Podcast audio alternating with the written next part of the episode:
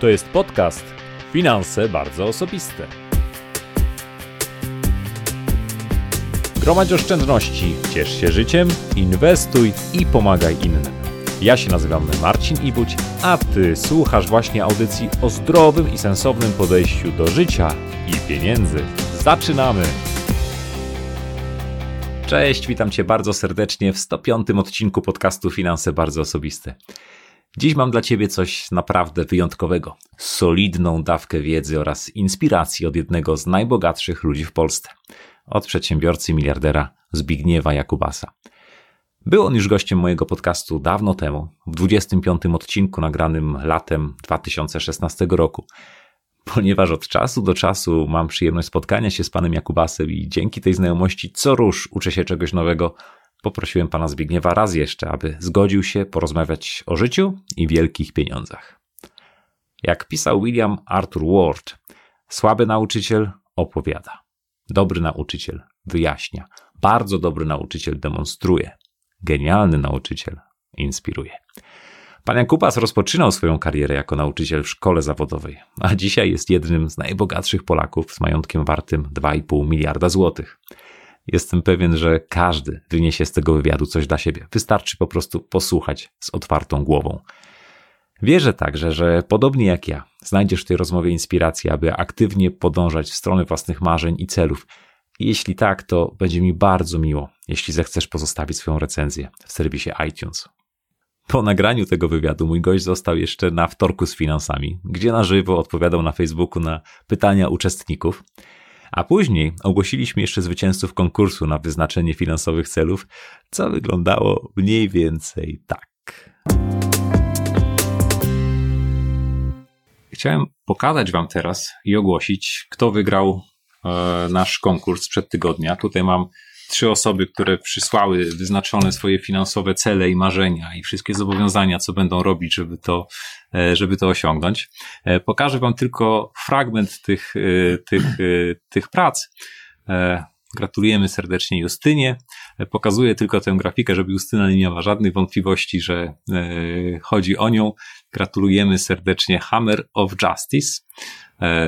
Tak kolega się podpisał, więc tutaj zasłoniłem twarz, bo są zdjęcia osobiste zrealizowanych marzeń, które będą zrealizowane dzięki dbaniu o finanse. No i Radkowi, Radek też chyba ma ochotę pojechać do Butanu i trochę e, pomedytować i na to zbiera w tej chwili pieniądze.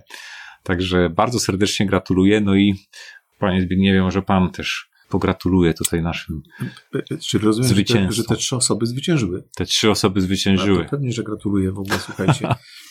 Spontaniczne, wcześniej przygotowane. Bo ja myślałem, że tylko jedna zwyciężyła. Nie, to są trzy z y, kilkudziesięciu, które przysłały a, a, takie a rzeczy. Co, a co te osoby otrzymają? Właśnie spełnienie marzeń swoich? Otrzymają najlepszą książkę o inwestowaniu. Nie wiem, czy pan wie jaką. To będzie moja książka o inwestowaniu, która Aha. właśnie powstaje i ma taki nie, no roboczy tytuł. Marcin, jakbyś jeszcze dołożył tym osobom, tam nie wiem, chociaż po 10 tysięcy, to wiesz, to... Będziemy szukać sponsora. Bardziej, bardziej, też tak. bardziej bym się uśmiechał z tego powodu. Ale pan będzie na pewno jedną z pierwszych osób, które dostaną tę książkę, tę a, książkę a już, w prezencie. piszesz naprawdę? Już kończę. No to już kończę. Nadzieję, I tam że... będą cytaty z takiego znanego polskiego inwestora Zbigniewa Jakubasa również. A to o tym mi nie mówiłeś. Ale dobrze, nie będzie. To był naprawdę super wieczór i w ogóle cały dzień. Mam nadzieję, że również Twój dzień będzie dużo lepszy po wysłuchaniu tej rozmowy, więc teraz już bardzo serdecznie do tego Cię zapraszam.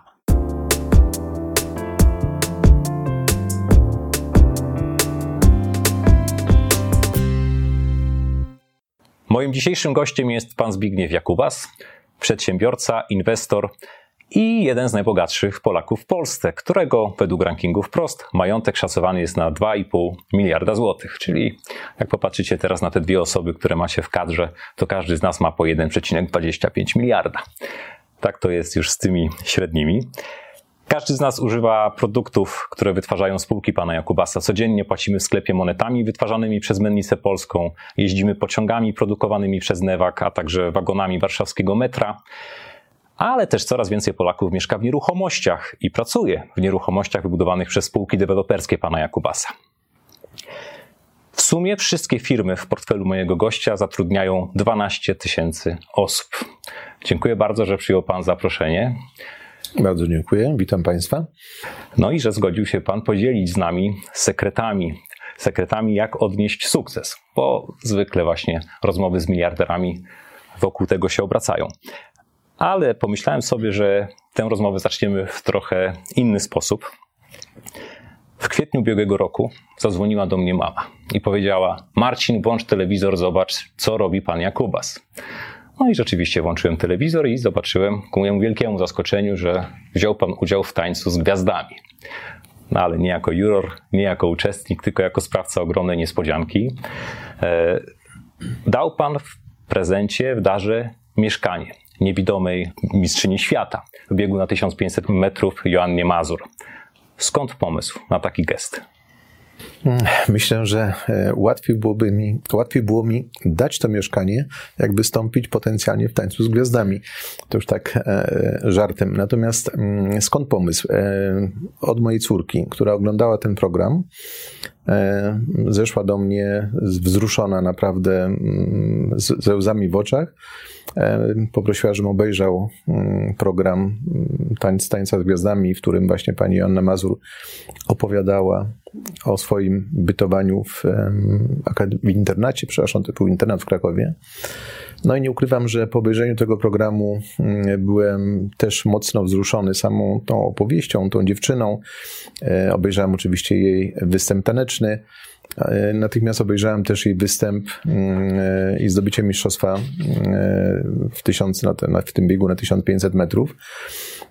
No i praktycznie decyzja mogła być tylko jedna mm, od razu podjąłem decyzję, że takie mieszkanie jej ufundujemy, tym bardziej, że w Krakowie budujemy dużą, dużą dzielnicę, można powiedzieć, 1500 mieszkań e, w jednym miejscu. E, I no tak jak ja w życiu mówię, że w życiu szczęście jest bardzo potrzebne, ponieważ no, moja córka też nie ogląda telewizji zbyt często. Akurat ten odcinek obejrzała. Zeszła na dół, jest to bardzo też wrażliwa osoba. Nakłoniła mnie do obejrzenia i dalszy ciąg już Państwo mogliście obserwować. Ja powiem tylko tyle, że jest to jedna z większych radości, jakie mogłem uczynić w ciągu ostatnich e, lat. Dawanie jest też dużą radością, a zwłaszcza kiedy Jasia Mazur od e, trzech miesięcy już mieszka w tym mieszkaniu i kiedy przysłała mi pierwszego maila po pierwszej spędzonej nocy w tym mieszkaniu. Wierzcie mi Państwo, że mm, jestem mężczyzną dość twardym, ale łzy miałem w oczach. Z czego ona się cieszyła po prostu. To był osobisty mail, ale po prostu wzruszający zupełnie.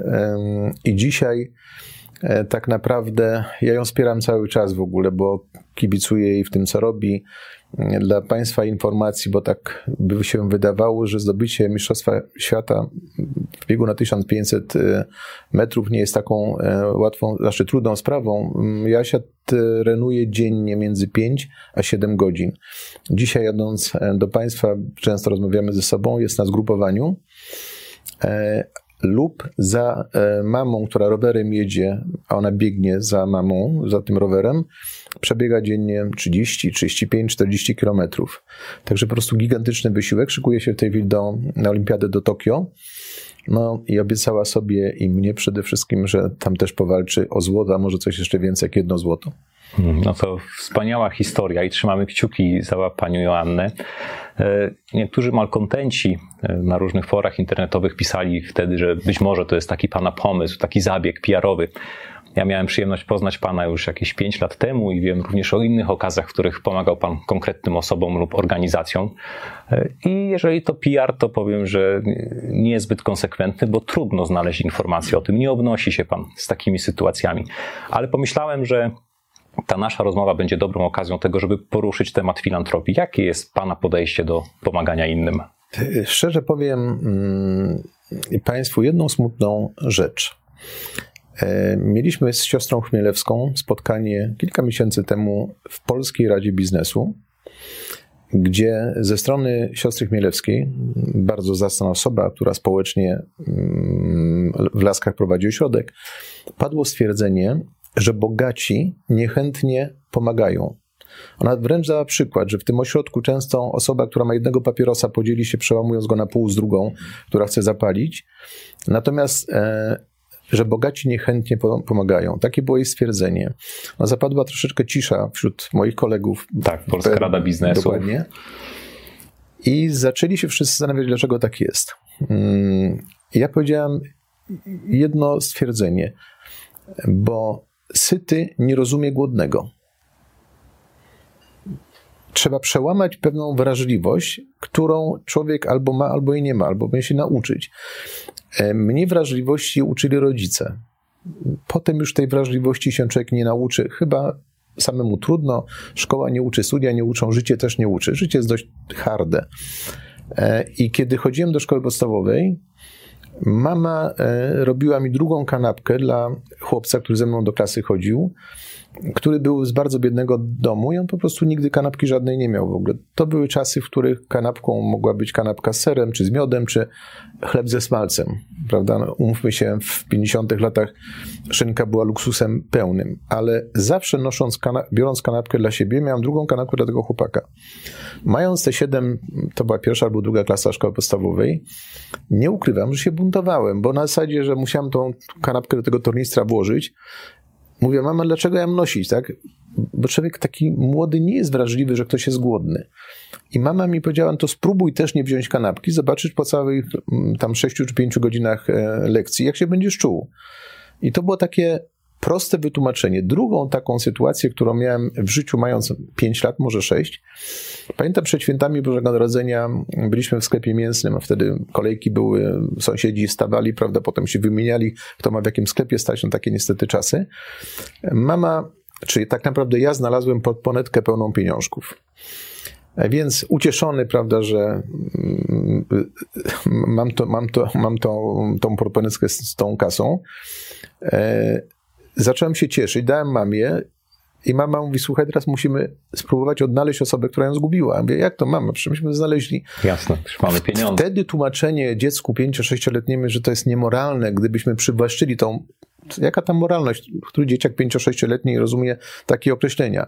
Natomiast mama mi powiedziała, słuchaj, jak gdybyś się czuł, gdybyś za, za te pieniądze kupił sobie coś, nie wiem, 5 czekolad więcej, a ta pani, która zgubiła tą, e, te pieniądze, która to była, pamiętam, po wypłacie, bo wtedy wypłaty były tylko i wyłącznie cashem, być może nie miałaby dla dzieci w ogóle na święta na zakupy.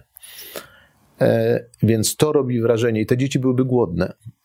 To e, takie proste tłumaczenie dla takiego dzieciaka jest sformułowaniem, które zapada w pamięci. Ja to zapamiętałem. Oczywiście chwilę później jakaś kobieta zapłakana biegła w ogóle szukając tej, tej portmonetki, mama jej oczywiście oddała.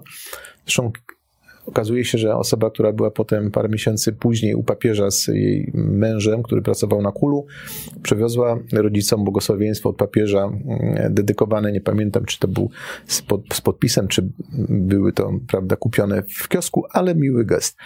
E, także e, Wracając, e, uważam, że mało ludzi pochyla się nad wrażliwością. Często jest to pochylenie się dość późno, bo popatrzmy na miliarderów e, amerykańskich, e, pana Buffetta. On też no, zaczął się dzielić majątkiem tak naprawdę, kiedy przekroczył siedemdziesiątkę w sposób... Pod wpływem żony, która intensywnie prała mu głowę. Tak. I...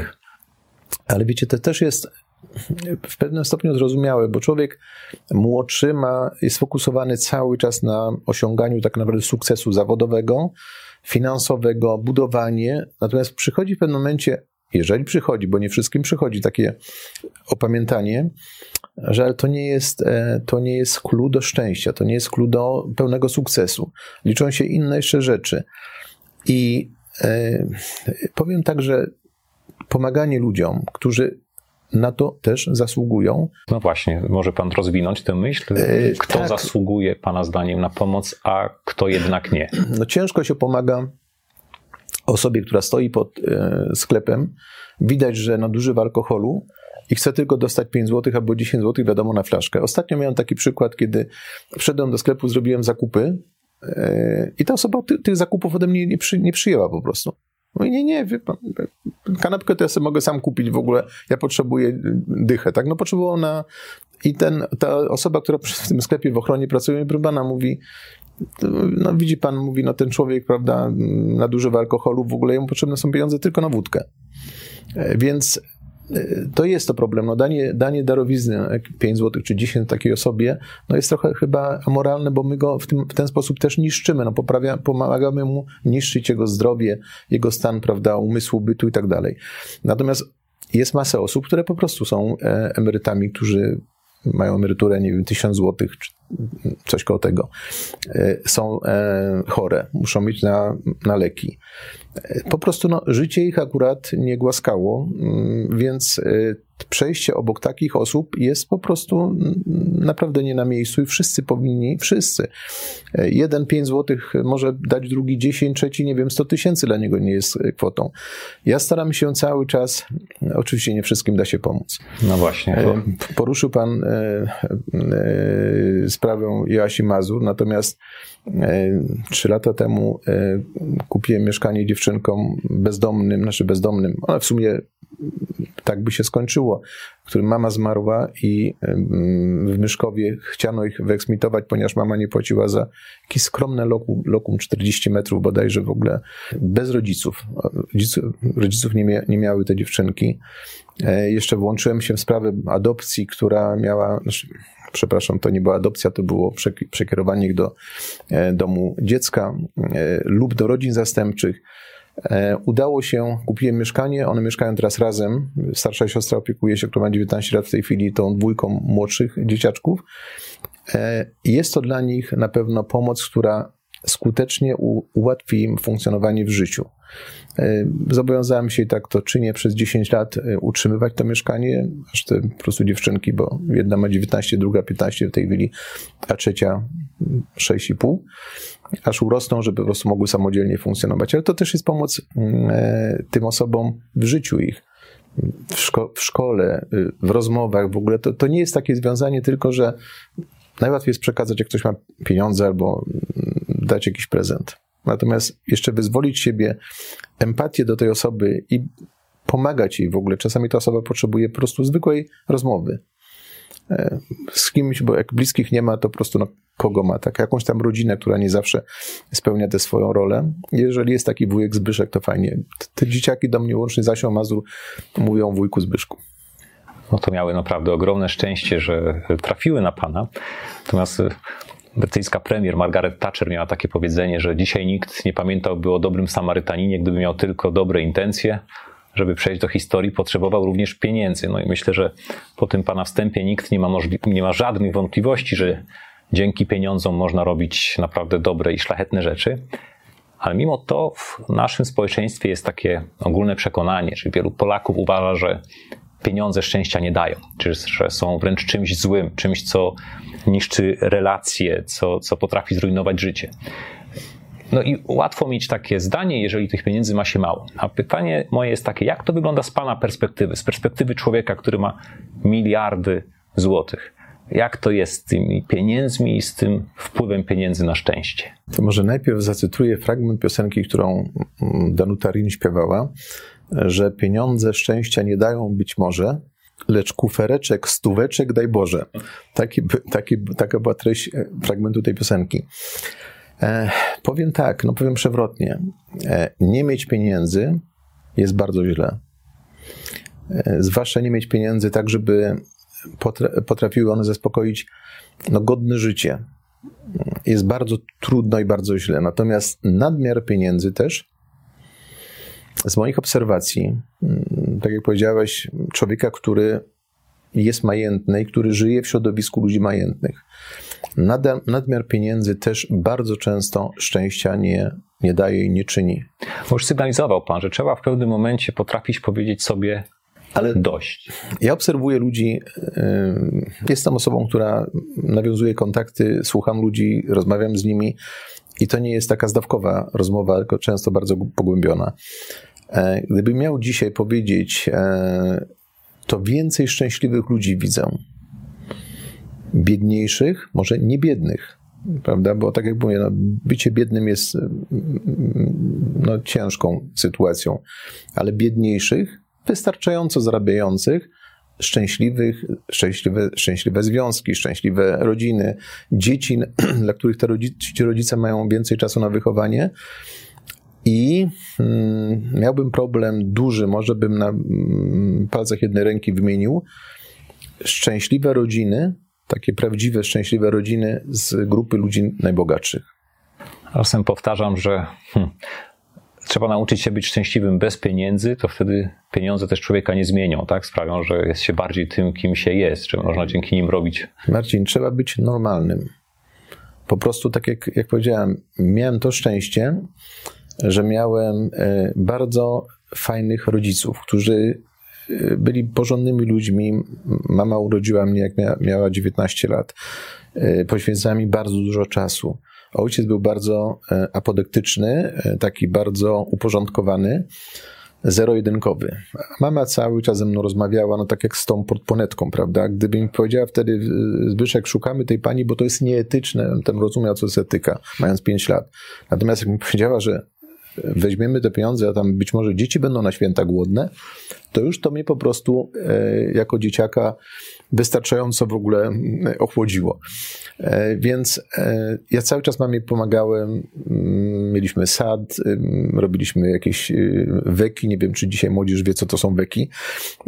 To są w słoikach takie My, różne, różne słoiki. Różne, różne rzeczy, jakieś owoce, prawda, czy ogórki, czy cokolwiek innego. I to nie było na zasadzie, że masz pomóc, tylko synku, mama zawsze mówi, jak tam miałem 7, czy 8, czy 9 lat, chodź mi pomożesz, tak? Zrobimy coś razem. To było fajne w ogóle, ja coś tam byłem, w ogóle robiliśmy to razem.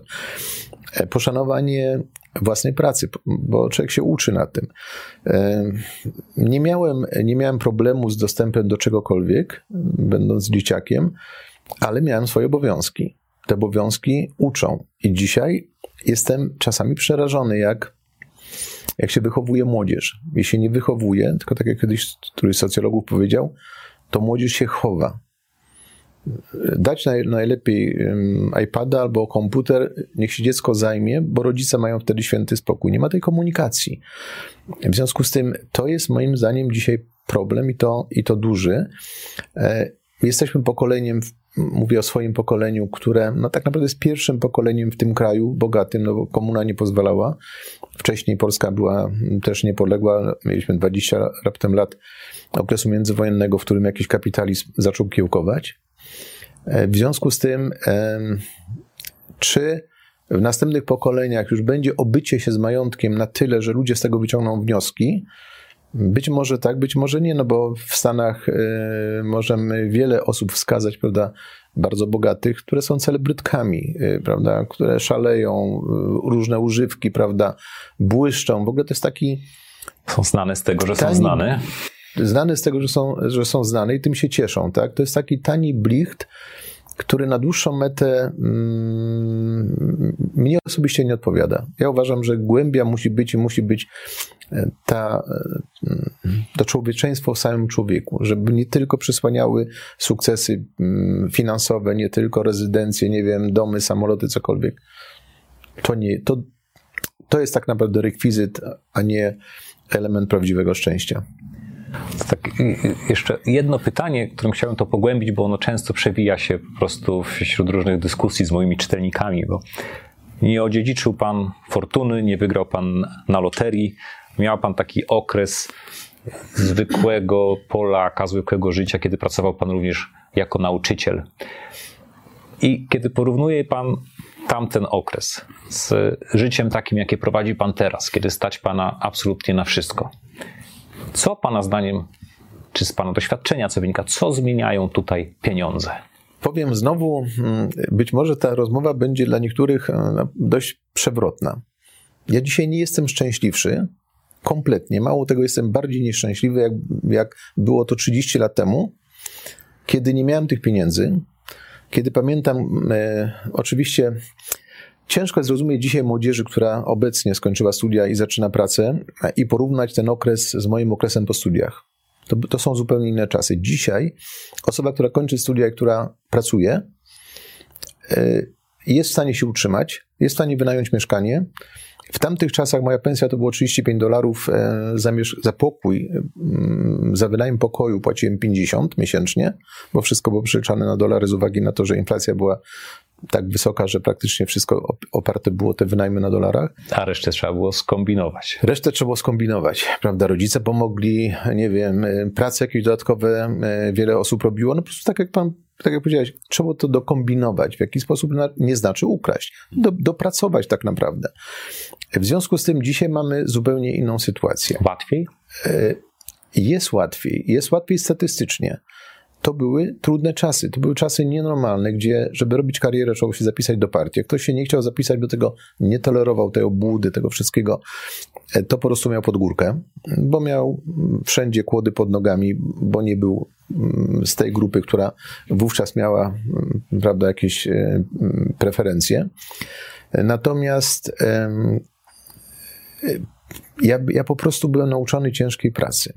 Na studiach cały czas ówczesną moją narzeczoną, e, którą tak naprawdę też pomagałem jej w utrzymaniu, to ja nie chciałem od rodziców wziąć na to środków, tylko musiałem sobie zarobić, czyli albo wieczorami na łebka samochodem jeździłem w ogóle i nie wstydzę się tego mówić, prawda, w soboty, w niedzielę, zwłaszcza kiedy ludzie wracali z imprez, to przez noc potrafiłem zarobić tyle, co pensja pracownika czy robotnika. Mini Uber. Taki mini Uber dokładnie. E, potem prowadziłem klub studencki, czyli zawsze po prostu jakieś inicjatywy, jak nie to, to no, robiłem takie specjalne systemy zabezpieczające studnie mm, e, głębinowe przed zanikiem prądu, mm, więc na tym też zarabiałem. Czyli krótko mówiąc, starałem się ciągle coś wymyśleć, żebym po prostu miał środki na utrzymanie i na utrzymanie mojej ówczesnej dziewczyny. Żeby nie było tak, że ja od rodziców biorę i przekazuję dalej, bo po prostu uważałem, że to byłoby nie, nie, nie fair z mojej strony. E, I pamiętam też taki czas, że zabrakło mi 50 groszy na torebkę cukru, która kosztowała złot 10,50 i były tylko kilogramowe cukry, e, nie było mniejszych. I nie, nie kupiłem, bo mi sprzedawczyni nie chciała tego cukru sprzedać, tak, bo mi zabrakło 50 groszy. Okej, okay, to nie znaczyło, że ja wtedy nie miałem na ten cukier w ogóle, tak? Tylko akurat taki, taką, taki epizod mi się w życiu e, zdarzył i pamiętam go do dzisiaj. Więc cały czas, cały czas, cały czas studiowanie i różne zajęcia, które pozwalały mi na to, żeby po prostu właśnie mieć środki na utrzymanie siebie, na utrzymanie ówczesnej dziewczyny, a potem mojej małżonki. I potem tak to dalej pączkowało, aż do czasów, kiedy te studia skończyłem, bo przecież pracowałem rok czasu jako nauczyciel, właśnie za tą pensję 35 dolarów równowartości, ale bardzo szybko stwierdziłem, że z tego nie da się po prostu nijak y, funkcjonować. W związku z tym w poprzednim odcinku u ciebie, prawda, był epizod, kiedy dostałem od rodziców y, tak 7 tysięcy dolarów na ówczesne czasy, było to sporo pieniędzy, bo ta kwota wystarczyła na zakup mieszkania i zainwestowałem te środki w pierwszy sklep, w drugi i potem tak jest, tą historię rozwoju biznesu. Zapraszam Was bardzo serdecznie. 25 odcinek podcastu jest również dostępny na YouTubie. Tam możecie zapoznać się z historią e, mojego dzisiejszego gościa. Ja mam tak przez te lata e, w, ostatnio sobie sprecyzowałem taką misję. No, warto mieć w życiu coś większego od siebie. I to moją misją jest pomóc 15 milionom, milionom Polaków w takim dbaniu o finanse, żeby nie musieli przejmować się pieniędzmi, tylko mogli poświęcać czas na realizację swoich marzeń i pasji. No i chciałem teraz trochę Pana tutaj zaprosić do pomocy przy realizacji tej misji i poprosić o pewne porady finansowe. Ale zanim do tego przejdziemy, to mam pytanie takie. Jaka była najlepsza porada finansowa, którą Pan w życiu usłyszał i kto tej porady Panu udzielił? Tak naprawdę. Hmm poza jedną taką ewidentnie poradą tego spotkanego, o którym w, pierwszym, mm, nasz, w pierwszej naszej tak, rozmowie opowiadałem. Właściciela szklarni. Właściciela tak. szklarni wiązownej pod Warszawą, który mi, który mi swoją taką bardzo konkretną wypowiedzią yy, moje wahanie przekierował absolutnie idź w biznes, tak, nie kupuj mieszkania. Nie kupuj mieszkania, bo wtedy nie będziesz miał środków na, na biznes. On mnie po prostu przekierował. On powiedział, postawił, młotkiem przybił gwoździa. Ja już z tej wiązownej jechałem tylko z jednym przekonaniem. To poza tą jedną sytuacją, taką ewidentną, to nie byłbym w stanie wskazać mm, innej takiego przykładu w całym moim życiu. Natomiast e, wiele różnych osób, które spotykałem, miały wpływ na, na to, kim dzisiaj jestem mój matematyk w szkole średniej. genialny człowiek o wszechstronnych zainteresowaniach, pobudzał nam wyobraźnię. Mój polonista w szkole średniej, profesor Pietraniec na Politechnice, niebywały człowiek, profesor od kwantowej fizyki w tamtych czasach. Wiele osób, z którymi rozmawiałem, mm, w jakiś sposób modyfikowało mój e, system wartości, mojego myślenia, e, ale wszędzie po prostu, może też dlatego, że jestem inżynierem, gdybym był artystą, nie byłem filozofem, to być może inaczej bym na świat patrzył, to inżynier ma jednak mm, e, taką percepcję postrzegania od do bardzo konkretną. No tak, ale są, powinien... są, są inżynierowie tacy jak pan, miliarderzy, no i są inżynierowie, którzy ledwie wiążą koniec z końcem. Co, skąd pan czerpał tą wiedzę, jak postępować z pieniędzmi? E, powiem tak, wiele było przypadków, bo ja kończyłem Politechnikę Wydział Elektryczny. Gdybym dzisiaj, mm, czasami takie pytanie sobie sam zadaję, co bym chciał robić, gdybym był pracownikiem prawda, gdzieś u kogoś, e, jaki zawód wykonywać. E, chciałbym być architektem. Czyli chciałem być architektem, zostałem miliarderem. Co poszło nie tak? E, nie, ale mówię to z perspektywy czasu, dlatego że potem budownictwo tak mnie wciągnęło, że dzisiaj po prostu lubię to, lubię budownictwo, dlatego, tak jak powiedziałeś na początku, sporo buduję. Natomiast słuchajcie, w życiu jest wiele, wiele zależy od przypadków i od szczęścia. Ja kończąc Politechnikę, przyjeżdżając do Warszawy, akurat była wtedy ustawa, gdzie dawano sklepy w Warszawie w tak zwaną ajencję. Od razu e, poszedłem i wziąłem pierwszy sklep numer 5 w Warszawie, który dano w ajencję. Przyjechałem, ja pochodzę z Lublina, przyjechałem z Częstochowy z uczelni, mieszkałem w wynajętym mieszkaniu, za te właśnie od rodziców pieniądze odważyłem się wziąć w ajencję ten sklep.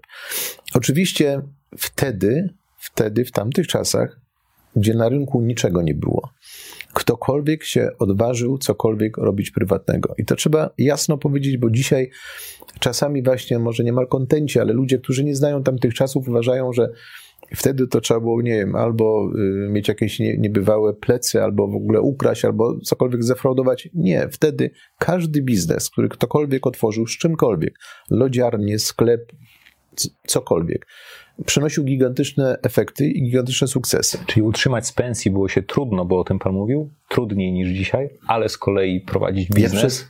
Ja, w sklepie na Tamce, pierwszym sklepie, który zatrudniał dwie osoby, zarabiałem dziennie więcej, jak oficjalnie, zupełnie legalnie więcej, jak w pracy zawodowej przez miesiąc. W związku z tym, no, mm, co prawda mieliśmy kapi ekonomię kapitalizmu jeszcze na moich studiach socjalizmu i kapitalizmu. Kapitalizm wszyscy rozumieli, socjalizmu i tej wartości dodanej nikt, ale bardzo szybko się w tym momencie przestawiłem z ekonomii socjalistycznej myślenia na kapitalizm, prawda, bo efekty były widoczne od razu. Potem dalej mm, kolejny sklep. No jak widziałem, jak to idzie, już złapałem ogniwa dostaw, no to trzeba było, oczywiście, że trzeba mieć cały czas, hmm, trzeba, no nie, nie trzeba, bo że ktoś tylko mówi, ok, zarabiam w tej chwili takie pieniądze, że mogę sobie kupić samochód, mieszkanie i wygodnie żyć, bo nie chce mu się pracować, nie chce rozwijać się, nie chce myśleć, nie chce iść do przodu, jak nie idzie do przodu, stanął, to już się cofnął. Bo najgorszą rzeczą, jak nie idziesz do przodu, to się cofasz. Nie ma, nie ma innego, e, innego mechanizmu. W związku z tym bardzo szybko, mm, po dwóch latach, otworzyłem drugi sklep na Chmielnej, który już był 50 razy lepszym punktem. Za moment e, brak mm, ogniwa w postaci dostaw towarów spowodował, że zacząłem myśleć o firmie polonijnej, którą w 1984 roku otworzyłem. To już był duży, duży zakład pracujący do dzisiaj. I środki cały czas reinwestowałem. Taką mam naturę i nie jest to. Ciągle coś nowego się pojawiało i to było masę po drodze przypadków. E, potem składy konsygnacyjne, obrót dewizowy, potem fabryka wody w Krynicy. Także non-stop coś się pojawiało, gdzie ktoś po prostu, ja słucham ludzi. To jest chyba moją też um, dobrą cechą dla mnie, dla moich respondentów być może też, że ja słucham i naprawdę słucham. Ja pojechałem do Krynicy w innej sprawie zupełnie, burmistrz Golba mnie oprowadził po terenie, wskazał mi teren, mówię, może pan tak fabrykę wody za, tutaj zbudował. Dwa tygodnie później już praktycznie wiedziałem, że tam będzie fabryka. Czyli warto być w odpowiednim miejscu i w odpowiednim czasie, to nigdy nie zaszkodzi. Trzeba myśleć, trzeba być elastycznym, słuchać ludzi, zastanawiać się, co można zrobić. A Czy jest jakaś taka najgorsza porada finansowa, którą pan gdzieś słyszał? Nie mówię udzielona panu, ale jak pan gdzieś słyszy w przestrzeni publicznej, co ludzie sobie nawzajem doradzają, czy gdzieś z jakichś reklam, to jest coś, co przykuwa pana uwagę? Tutaj akurat przykład na sobie mogę powiedzieć. Bar bardzo bolesna porada finansowa. E, wspomniana fabryka e, wody, którą zbudowałem w 1992 roku. W 1996 roku miałem bardzo dobrą ofertę z Danone na odkupienie tej fabryki w całości bądź 50%. Bardzo dobra oferta. E, ówczesny dyrektor Danone mm, uprzedzał mnie, że tak dynamiczny rozwój, jaki miałem przez 4 lata od 92 do 96, kiedy rosły nam czterokrotnie rok w rok obroty, nie utrzymają się na dłuższą metę, ponieważ wchodzą supermarkety do Polski, gigantyczne sieci, i będziesz, mówi, miał z nimi trudniej jak teraz. Bo wtedy to był hurtownie tylko rynek straganowy, a te supermarkety opanowały tak naprawdę handel w Polsce. I z ofertą z Francji, z Paryża, przyjechałem do, przyleciałem do Warszawy, poszedłem e, do Bristolu, do kafejki, gdzie na moje nieszczęście spotkałem mojego serdecznego kolegę z jakimś amerykańskim finansistą e, od przejęć, jakaś sława z amerykańska. Inwestycyjnym. Z bankierem inwestycyjnym, mm, e, którego poznałem. No i ten, ten mój kolega pyta się, bo mu powiedziałem, że z Paryża, co robię? Ja mówię, no wiesz, mam tutaj ofertę na Zanone i miałem ze sobą oczywiście dane finansowe tej fabryki za ten 96 rok i, i lata do tyłu. I ten Amerykanin popatrzył, miałem ofertę na X, tak. pamiętam ją w głowie w tej chwili do tej pory, a mówi, nie, masz taki progres wzrostowy, zapomnij, mówi, jak ci dadzą w ogóle półtora X, to, to się zgodzi, jak nie, to czekaj dalej. Najgłupsza decyzja. Przetrzymałem tą fabrykę jeszcze 4 lata i w 2000 roku sprzedałem ją za pół kwoty, którą od Francuzów dostawałem, a jeszcze w międzyczasie napracowałem się i zainwestowałem w nią kolejne spore pieniądze. Czyli uwaga na doradców i bankierów. Czasami po prostu Excel i tabela nie pokazuje wszystkiego. Czasami, gdybym posłuchał, bo ci Francuzi mieli rację, oni mi to życzliwie mówili. E, dostarczaliśmy tirami, od nas wychodziło 120 tirów dziennie wody z fabryki rozchodziła się po Polsce do tych właśnie wszystkich, nie będę w większości francuskich dużych sieci e, wymieniał, a płatności mieliśmy po 180 dniach. A wtedy cash kosztował kilkanaście procent rocznie. Tak? To były odsetki w bankach były kilkanaście, 11, 12, 13 procent, potem zeszły na 8, że koszt pieniądza był tak duży, że cashflow był po prostu problemem i zaczynały się schody. Natomiast Patrząc na, mm, e, odpowiadając na Twoje pytanie, e, tak mnie zdumiewa czasami e, głupota doradców. Jeżeli jakiś analityk, a zwłaszcza który ma, nie wiem, dwadzieścia kilka lat, mówi, rekomenduje jakąś spółkę, kupuj, prawda? Za chwilę. W życiu nie widział bez syna. W, w, życiu nie widział niczego. On mało tego, on tej spółki nie widział na oczy. Drugi w tym samym czasie, są takie przypadki z ostatniego miesiąca nawet, że rekomendacja na pewną, fir na pewną firmę giełdową różni się między sobą plus minus 30%. No to w ogóle coś jest nie, nie halo. Jeżeli się e, była reklama parę lat temu funduszy inwestycyjnych, prawda, stopa zwrotu 30%. E, jeżeli ktoś e, obligacje korporacyjne wypuszcza na rynek e, z, ze stopą zwrotu gwarantowaną w cudzysłowie 8, 9, 10%, to powinna się, no, Getback jest tego przykładem, tak?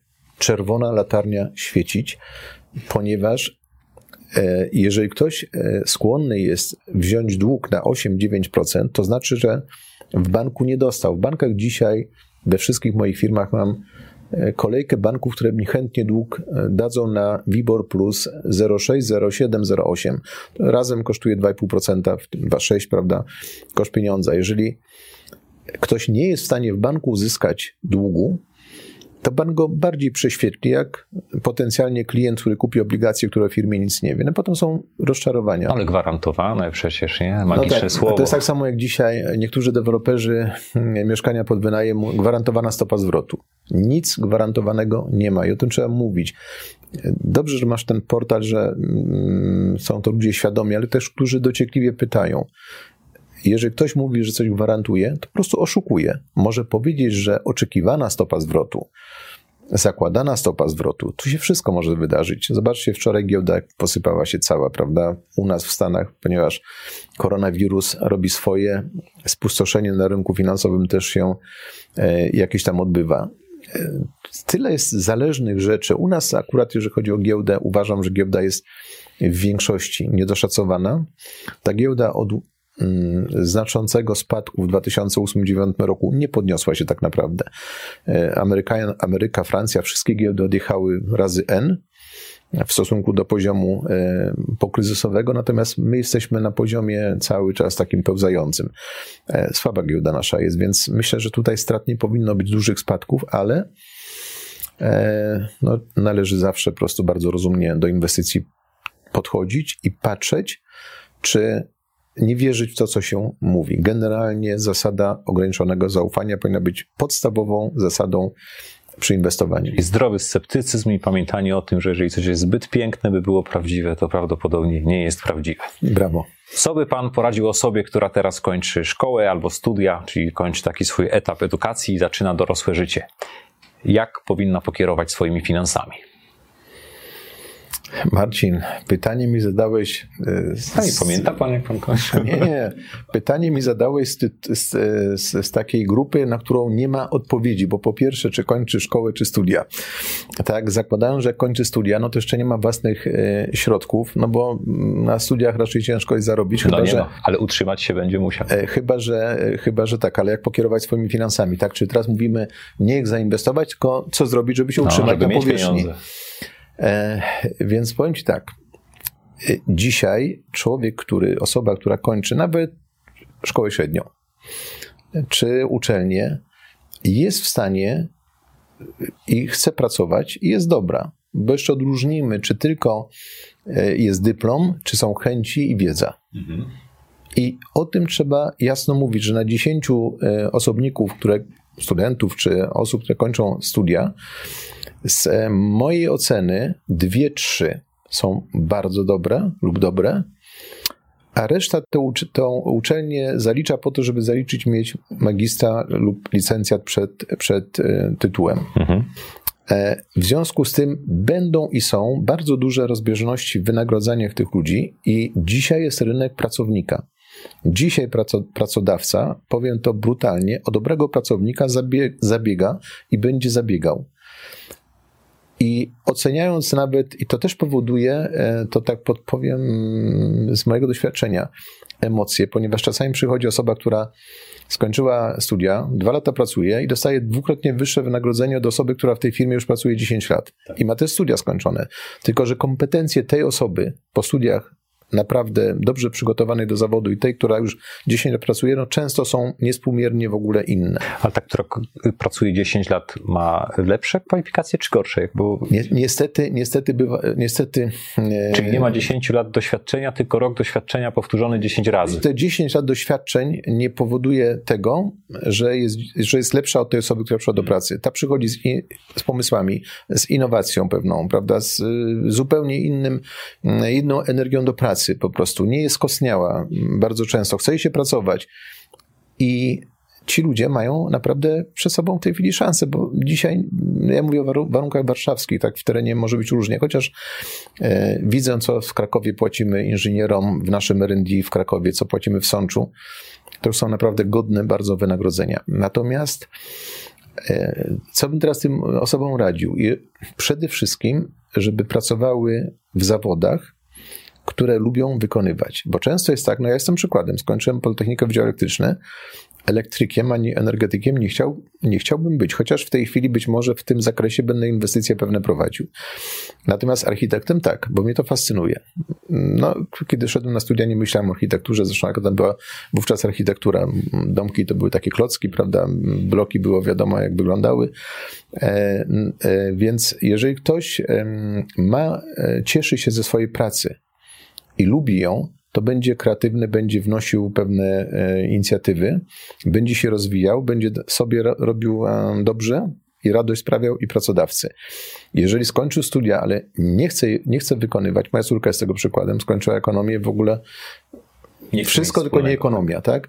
Jeszcze ma do mnie o to pretensje, że na te studia wysłaliśmy e, jeżeli nie lubi tego, w czym się wykształcił, to niech szuka zajęcia, które będzie lubił. Jeżeli ktoś pracuje tylko dlatego, że musi zarobić na zupę i na mieszkanie, to jest to męka. Człowiek musi, jeżeli będzie miał satysfakcję z cokolwiek, może skończyć studia i założyć naleśnikarnię, która będzie miała sukces. Zresztą na Maszokowskiej jest naleśnikarnia, która kolejkę ma od rana do wieczora. E, niekoniecznie pracuj w wyszkolonym e, czy wykształconym zawodzie, jeżeli to ci nie sprawia przyjemności. Natomiast e, to, co robisz, rób dobrze, bo wtedy cię docenią. To jeszcze to podrąży. Gdyby pan dzisiaj kończył studia i zaczynał własny biznes, to jakby pan to robił? Czy, czy są jakieś pomysły, które teraz pana zdaniem są warte uwagi, albo takie, które by się na dzisiejszym rynku sprawdziły? To jest, to jest trochę trudne pytanie, ponieważ e, ja obserwuję dzisiaj mm, i nowoczesne technologie, i social media, i to, co się dzieje, no zresztą mm, niedawno, jak 10 lat temu, e, uwierzyłem w CD Projekt, chłopaków, którzy przyszli do mnie, e, wsparły mi finansowo, dzięki temu mm, uratowali spółkę. No, gdzie... A oglądał pan już Wiedźmina? E, nie, nie oglądałem Wiedźmina. Oglądałem tego pierwszego, który mm, prezentację, no dostałem nawet jakieś specjalne to teraz wydanie. się panu bardziej spodoba. No wiesz co, no nie, jest, nie jestem tym targetem, tak szczerze mówiąc.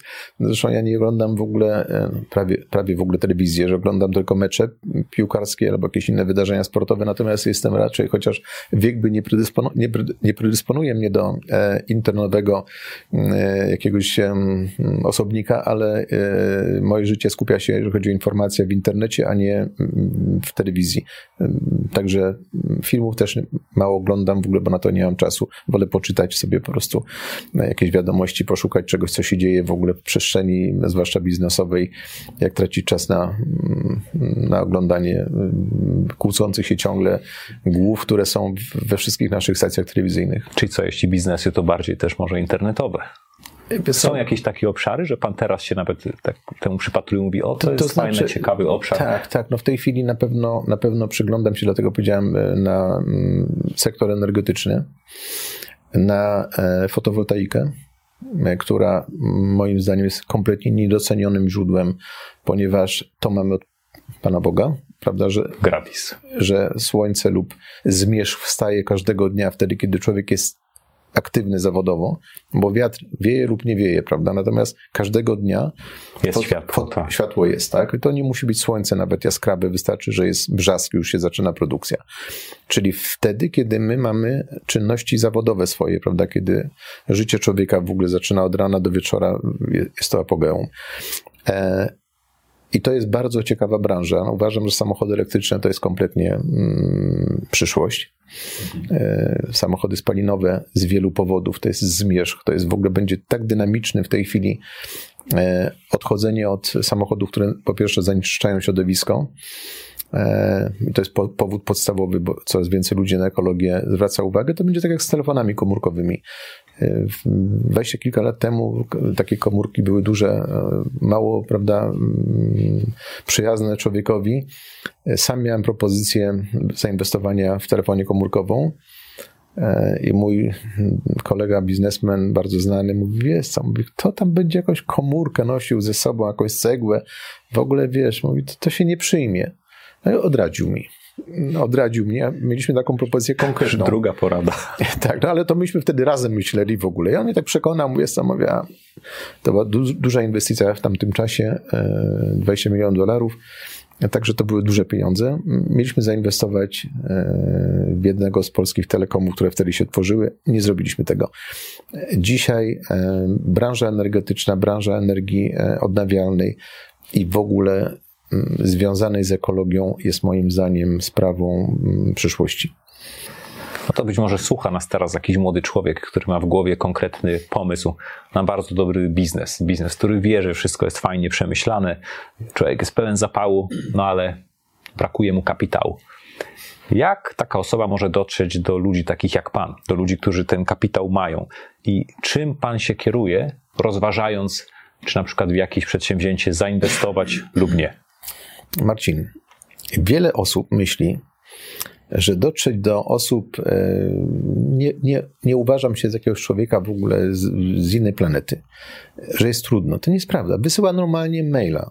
na sekretariat mojej firmy wysyłam maila e, i gwarantuję ci, że, ten, że każdy mail, chyba że no jest to jakaś, e, nie wiem, oferta czegoś, prawda, albo jakiś taki idiotyczny, że, mm, że po prostu od razu go asystentka e, wrzuca do, do, do kosza, ale jeżeli to jest propozycja, która ma jakiekolwiek podstawy i sens, to ona po prostu e, wyląduje u mnie na biurku. Zaraz będę miał pytania, co to za adres e-mail, bo na pewno pod filmem się pojawi. W firmie w ogóle, w firmie dokładnie, firm jest wchodzi sobie strona internetowa, wchodzi ma w sekundę, tak?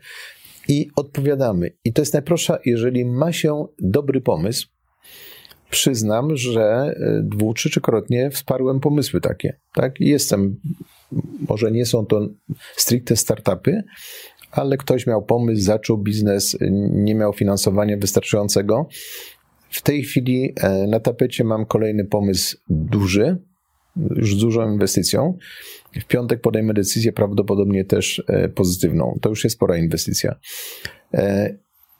I ta ocena może pomaga mi to, że jestem inżynierem w ocenie w ogóle. E, oczywiście to nie są. E, nie pochylałbym się, chociaż ten projekt to jest multimedialny, o którym wspomniałem wcześniej w naszej rozmowie. Cały czas jeszcze w tej chwili mam otwartość na, na różne pomysły inwestycyjne. Nie po to, żeby znowu zarobić na tym jakieś pieniądze, żeby nie stracić, a coś ciekawego, sensownego zrobić. Także e, sugeruję, żeby wszyscy, którzy mają sensowne pomysły, ale nie na zasadzie, że przychodzę z pomysłem, proszę mi dać tutaj milion złotych, a ja sobie pensję będę wypłacał 30 tysięcy od no razu na dzień dobry, bo Wspominał Pan kiedyś o tym, jak rozmawialiśmy, że bardzo są często są takie sytuacje, które tak. oburzają. Nie? No, oburzają, tak, że od razu patrzą w ogóle y, w cash flow, wynagrodzenie miesięczne 100 tysięcy. Pytam się, ilu was będzie pracowało? Pięciu. To po 20 tysięcy średnie wynagrodzenie w startupie, to albo wierzycie w projekt, i pracujecie w ogóle na symboliczne pieniądze, żeby się utrzymać, prawda? I pracujecie na, na siebie tak naprawdę. Albo po prostu od razu chcecie przyciąć w ogóle dobre wynagrodzenie, no to w tym momencie mija to się mm, z sensem. E, troszeczkę zmienię teraz temat. E, Ale jeszcze, jeszcze mogę dodać. E, ja bym namawiał ludzi, którzy mają dobre pomysły, żeby kierowali je, bo jeżeli ktoś ma pomysł z inżynieringu, nie wiem, kolejowego, tak? Jest firma e, bezpośrednio, która każdy dobry pomysł gwarantuje, że przyjmie z otwartymi ramionami, ponieważ widzimy, jak istotnym jest rozwój RD, rozwój nowych pomysłów. Jeżeli ktoś ma, nie wiem, z zakresu produkcji mąki, niech się zgłosi do e, kolegi, który produkuje, prawda, makarony i mąkę, na pewno Szukać trzeba po prostu branż, które mogą taki pomysł chłonąć i nie mieć strachu, odważyć się po prostu wysłać maila, zadzwonić, umówić się na spotkanie. Po prostu jak się nie próbuje, trzeba kupić los na loterii, żeby móc wygrać.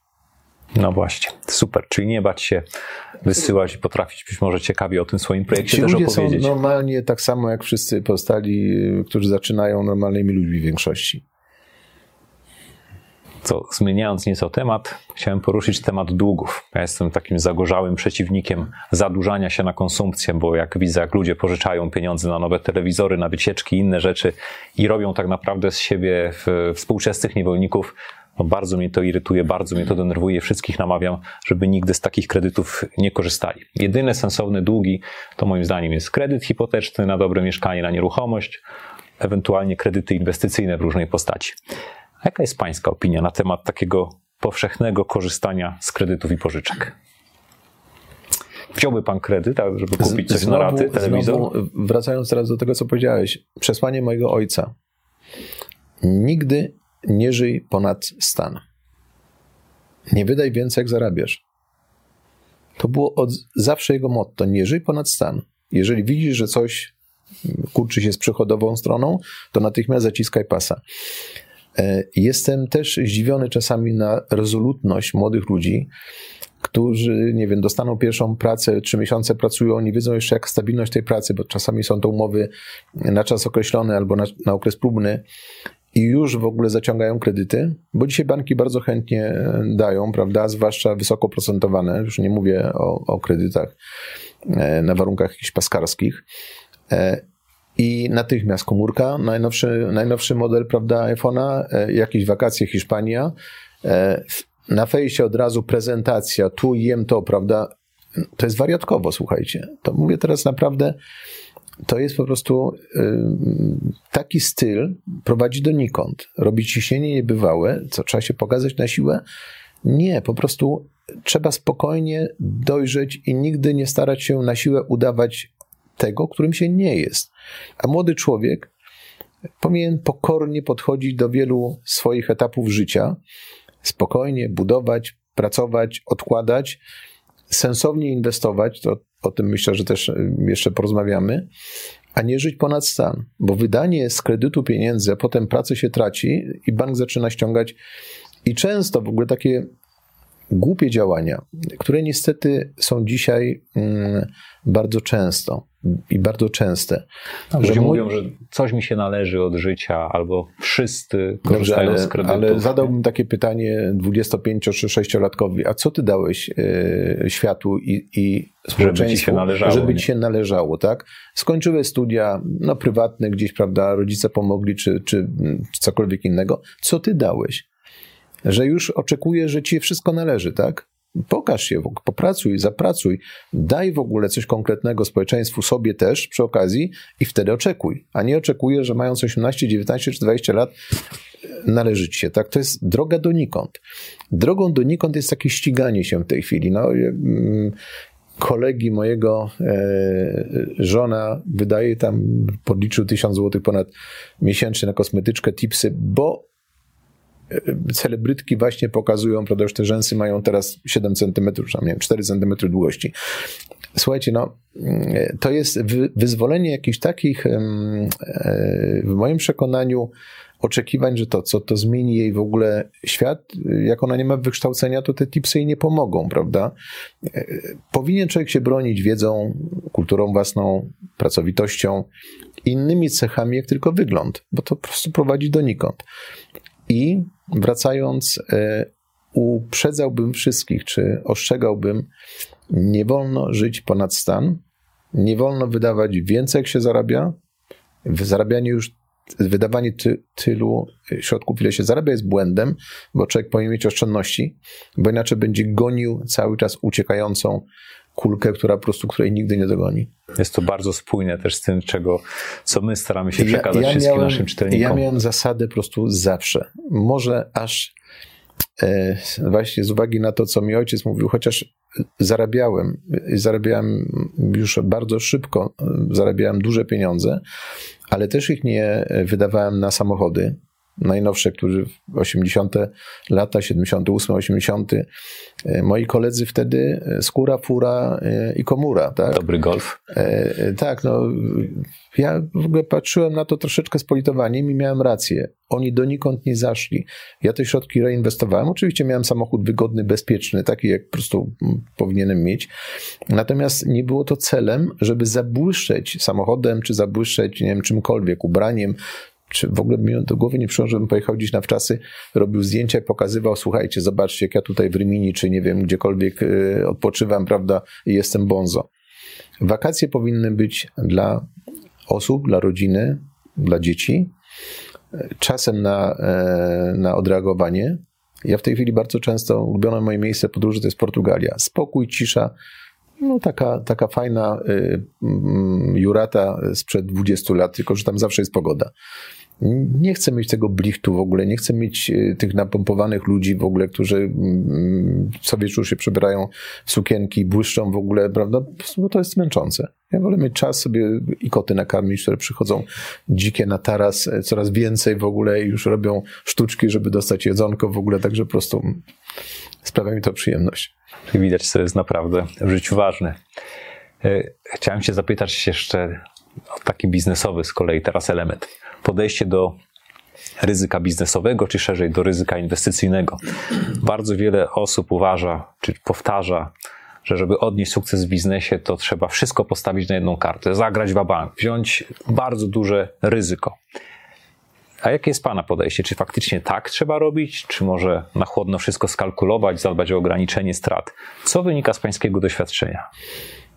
Wyciągajmy mm, wnioski z natury. Ile człowiek ma nóg? Dwie. Ile ma rąk? Dwie. To przynajmniej powinno się e, e, dywersyfikację ryzyka robić na dwa aktywa. Tak? Nie stawiać wszystkiego na jedną kartę. Oczywiście może być taka sytuacja, że ktoś mm, kończy szkołę, cokolwiek, tak? E, wymarzył sobie, że będzie otwierał lodziarnię. Inwestycja, powiedzmy sobie, e, przysłowiowa, przysłowiowe 100 tysięcy złotych, bo trzeba wynająć lokal, przystosować, jakieś maszyny postawić. I wtedy wszystkie środki, które ma i które pożyczył, inwestuje w tą lodziarnię, bo więcej ich nie ma. Czy to jest postawienie ryzyka e, w jedno aktywo? Ale ryzyko to nie jest duże, dlatego że może nie zarobi założonych, nie wiem, x tysięcy miesięcznie, zarobi część z tych x, ale nie jest w stanie stracić tak naprawdę, no bo aktywo zostanie, te lody się będą sprzedawały, zwłaszcza, no chyba, że przyjdzie w ogóle takie lato, jaką mamy teraz zimę, prawda, gdyby ktoś teraz produkował buty zimowe, y, wyjątkowo tak. ciepłe, to no to by być może musiał zostać na następny sezon. E, są sytuacje, w których można zaryzykować, tak? Można zaryzykować, ale pod jednym znowu warunkiem, że ten ktoś tą lodziarnię, pizzerię, czy nie wiem, naleśnikarnię robi przede wszystkim, bo wie, co to jest i chce to zrobić i lubi, i lubi to, co robi. Bo wtedy on będzie dobry. Jak nie takie lody, to inne wy, wykombinuje. Natomiast jeżeli to robi tylko dlatego, że usłyszał, że sąsiad obok ma lodziarnię i na niej zarabia, nie wiem, 20 tysięcy miesięcznie, to już po prostu słaba motywacja. Przede wszystkim motywacją powinno być to, w czym jestem w stanie coś dobrego zrobić. Zobaczcie restaurację. Mój kolega miał restaurację, mm, otworzył 3 lata temu, stracił na niej 2,5 miliona złotych. Zrobił to w ogóle z grymasu, bo chciał mieć restaurację. Drogi grymas. Ja mu to tłumaczyłem, tak. Ja mu to tłumaczyłem, słuchaj, w tej restauracji nie mam, ja jako klient potencjalny nie mam co zjeść. To są wyszukane jedzenia, po pierwsze, a po drugie, jak ja mam czekać półtorej godziny, aż mnie zupkę podadzą i drugie danie, to ja na to nie mam czasu. W tym samym czasie chodzę do, bardzo często do różnych restauracji w Warszawie. No niektóre mają się genialnie, bo jest e, proste przesłanie. To ma służyć klientowi i właściciel identyfikuje się z klientem. On po prostu jest tym dobry. Jeżeli jesteś dobry, to może być kominiarzem, szewcem, nie wiem, naprawiaczem rowerów i zawsze sobie poradzisz. I zakładaj przede wszystkim, e, fokusuj się na to, co chcesz robić, w czym masz tą wartość dodaną, a nie tylko cel zarobić kasę. Jeżeli tylko celem jest zarobienie kasy, może być w tym momencie niepowodzenie.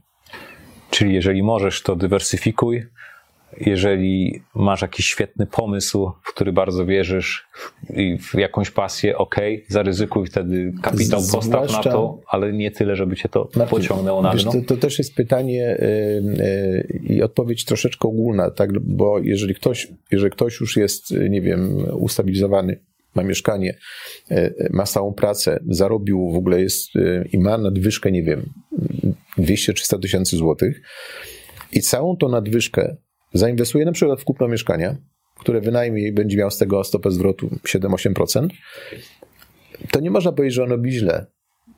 Jasne. Bo to mieszkanie, no jeżeli go ubezpieczy, no to praktycznie jest też aktywem, które mu zostanie. Naj, najgorszą dzisiaj formą inwestycji, niestety, jest, było i będzie, to jest trzymanie środków w gotówce, w banku czy gdziekolwiek. To jest po prostu najgorsze, co można zrobić. Że gotówka, tak? Która... Gotówka, bo ona traci na wartości. Dam przykład teraz, posłużę się przykładem. E, e, w 1933 roku w Stanach, mm, czy dobrze widać? W Stanach za uncję złota, uncja złota to jest e, ten tutaj, ta, ta moneta, to jest 20-dolarówka, tak, mamy awers i rewers. Mhm. Tak. Otrzymywało się banknot 20-dolarowy, bo wówczas w 1933 roku prezydent Stanów wprowadził obowiązkową wymianę złota dla swoich obywateli. Bez precedensu sytuacja e, na świecie. Zarekwirował. Zarekwirował, dokładnie. I za to 20 dolarów w złocie, które tu Państwo widzicie, dawano 20 dolarów e, w banknocie. I tu widzicie ten 20-dolarowy banknot. Upłynęło od tamtej pory 87 lat. I co mamy dzisiaj? Za 20-dolarówkę dostaje się dzisiaj 1573 dolary. dolary. To znaczy, że prawie 80 razy, 80 razy zdewaluował się przez te 87 razy dolar wobec złota. Z innymi, z innymi walutami jest identyczna sytuacja. Czyli pieniądz papierowy traci wszystko, i będzie tracił na wartości. On będzie cały czas tracił na wartości. Każda inwestycja trwała, czy w złoto, czy w nieruchomości, czy w akcje ze stop-lossem sensownie ulokowane, tam gdzie widać spółki niedocenione, jest lepsza jak trzymanie środków w skarpecie lub banku. A co Pana zdaniem najbardziej przeszkadza w osiągnięciu sukcesu biznesowego, czy szerzej finansowego? E, co przeszkadza? Mm, złe złe sfokusowanie się potencjalnie, jeżeli mówimy teraz o biznesie mm, jako, jako biznesie, jako przedsięwzięciu, tak? Nie mówimy o biznesie w sensie wyboru pracy. Często błąd w ocenie ryzyka, nieznajomość biznesu, powierzchowne takie po łebku, po łebkach zapoznanie się z nim, nie wgłębienie się w niego dokładnie, nie rozebranie go, to jest tak jak zbudowanie samochodu. Leżą części, E, nawet jak ktoś skończy Politechnikę, to może jeden na sto by ten samochód z tych części poskładał, a inni nie będą wiedzieli, jak je po prostu razem ułożyć. Musi być wiedza poprzedzona bardzo dokładną analizą. Nie wolno robić niczego po łebkach, chyba że to jest jakiś bardzo prosty biznes. To wtedy można w uproszczony sposób zrobić. I jak już się to ryzyko podejmie, to po prostu przepracować to nie zakładać, że to się zrobi tak e, łatwo i przyjemnie, bo nic w życiu łatwo i przyjemnie samo nie przychodzi.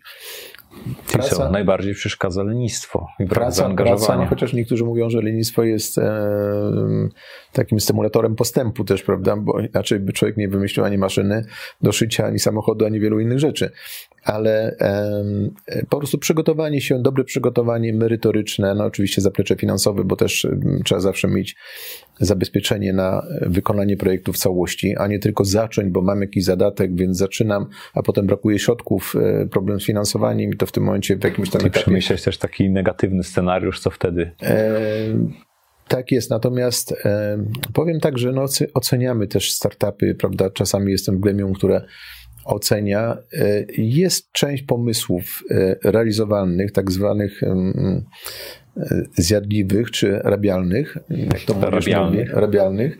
Natomiast gdybyś mnie zapytał, to jest to maksimum 10% do rozważenia, 5% do zrealizowania potencjalnie, 2 które mogą odnieść sukces. Zresztą takie są statystyki startupów też.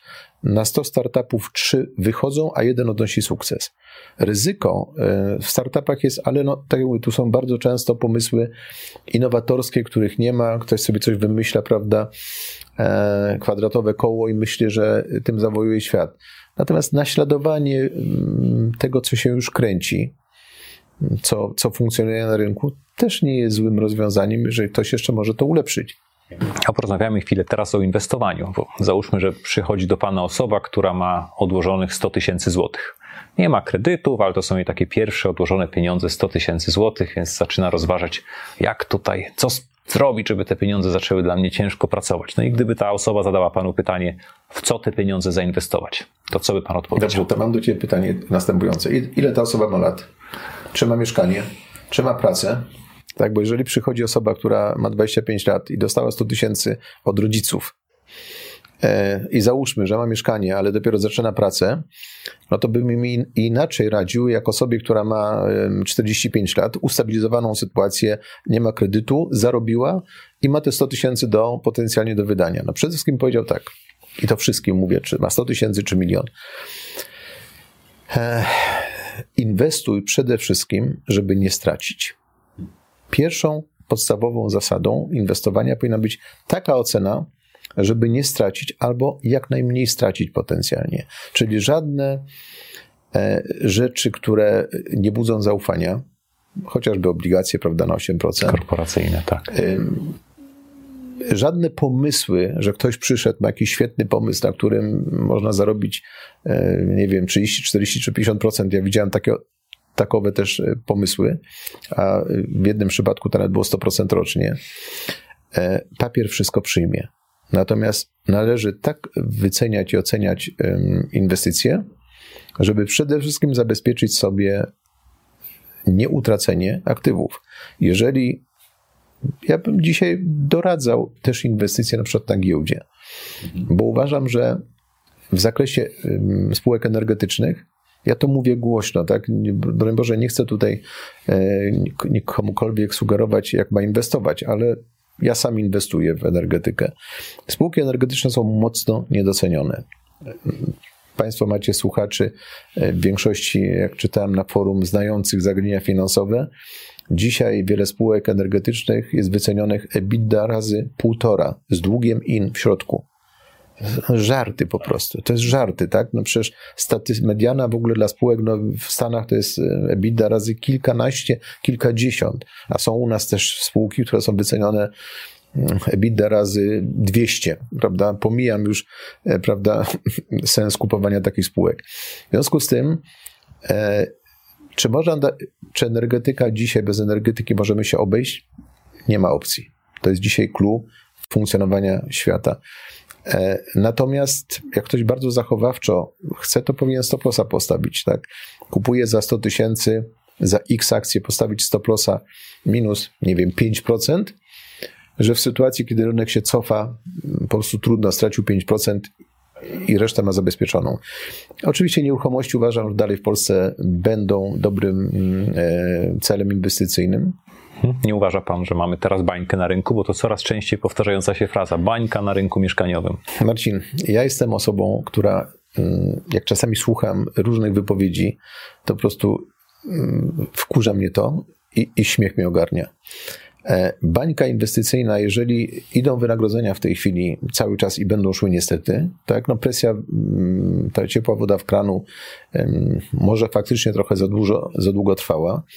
Może troszeczkę za mało motywowaliśmy e, też przedsiębiorców do inwestycji, do e, mm, nowej technologii, która jednak, no ale też wyklucza na stanowiska pracy. My to widzimy u siebie w fabryce. Mogę tylko dać jeden przykład, że w Nevagu w 2003 roku, jak kupowałem Nevag, E, pracowało 2200 osób i wykonywaliśmy obrót w remontach, tak naprawdę w większości 120 milionów złotych, 130.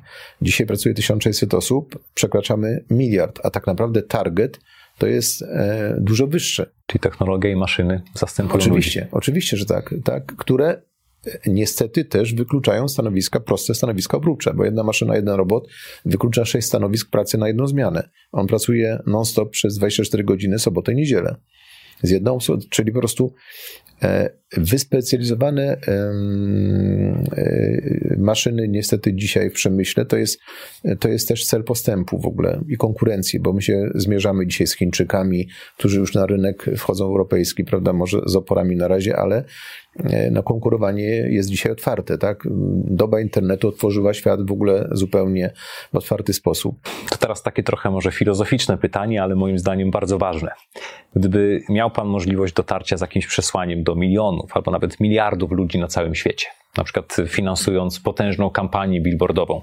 I na tych billboardach mógłby Pan zostawić jakieś przesłanie, z którym każdy mógłby się zapoznać to jakby to przesłanie mogło brzmieć? Myślałem o tym, żeby to było przesłanie oczywiście nie związane z, z dziedziną finansową, ekonomiczną, czyli z tym, co robię, czy z biznesem, ponieważ dzisiaj sporo niepokoju e, zauważamy e, z tym, co się dzieje wokół nas.